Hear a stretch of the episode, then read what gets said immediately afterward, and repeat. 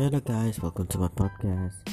Jadi di podcast gua isinya adalah sharing pengalaman-pengalaman pribadi dan bahas-bahas tentang hal-hal yang menjadi viral di sosmed. Dan gua nggak sendirian nih, gue ditemenin oleh teman-teman gua dan kita akan saling sharing pengalaman pribadi bareng. Ya intinya have fun aja lah ya. Hope you enjoyed my podcast.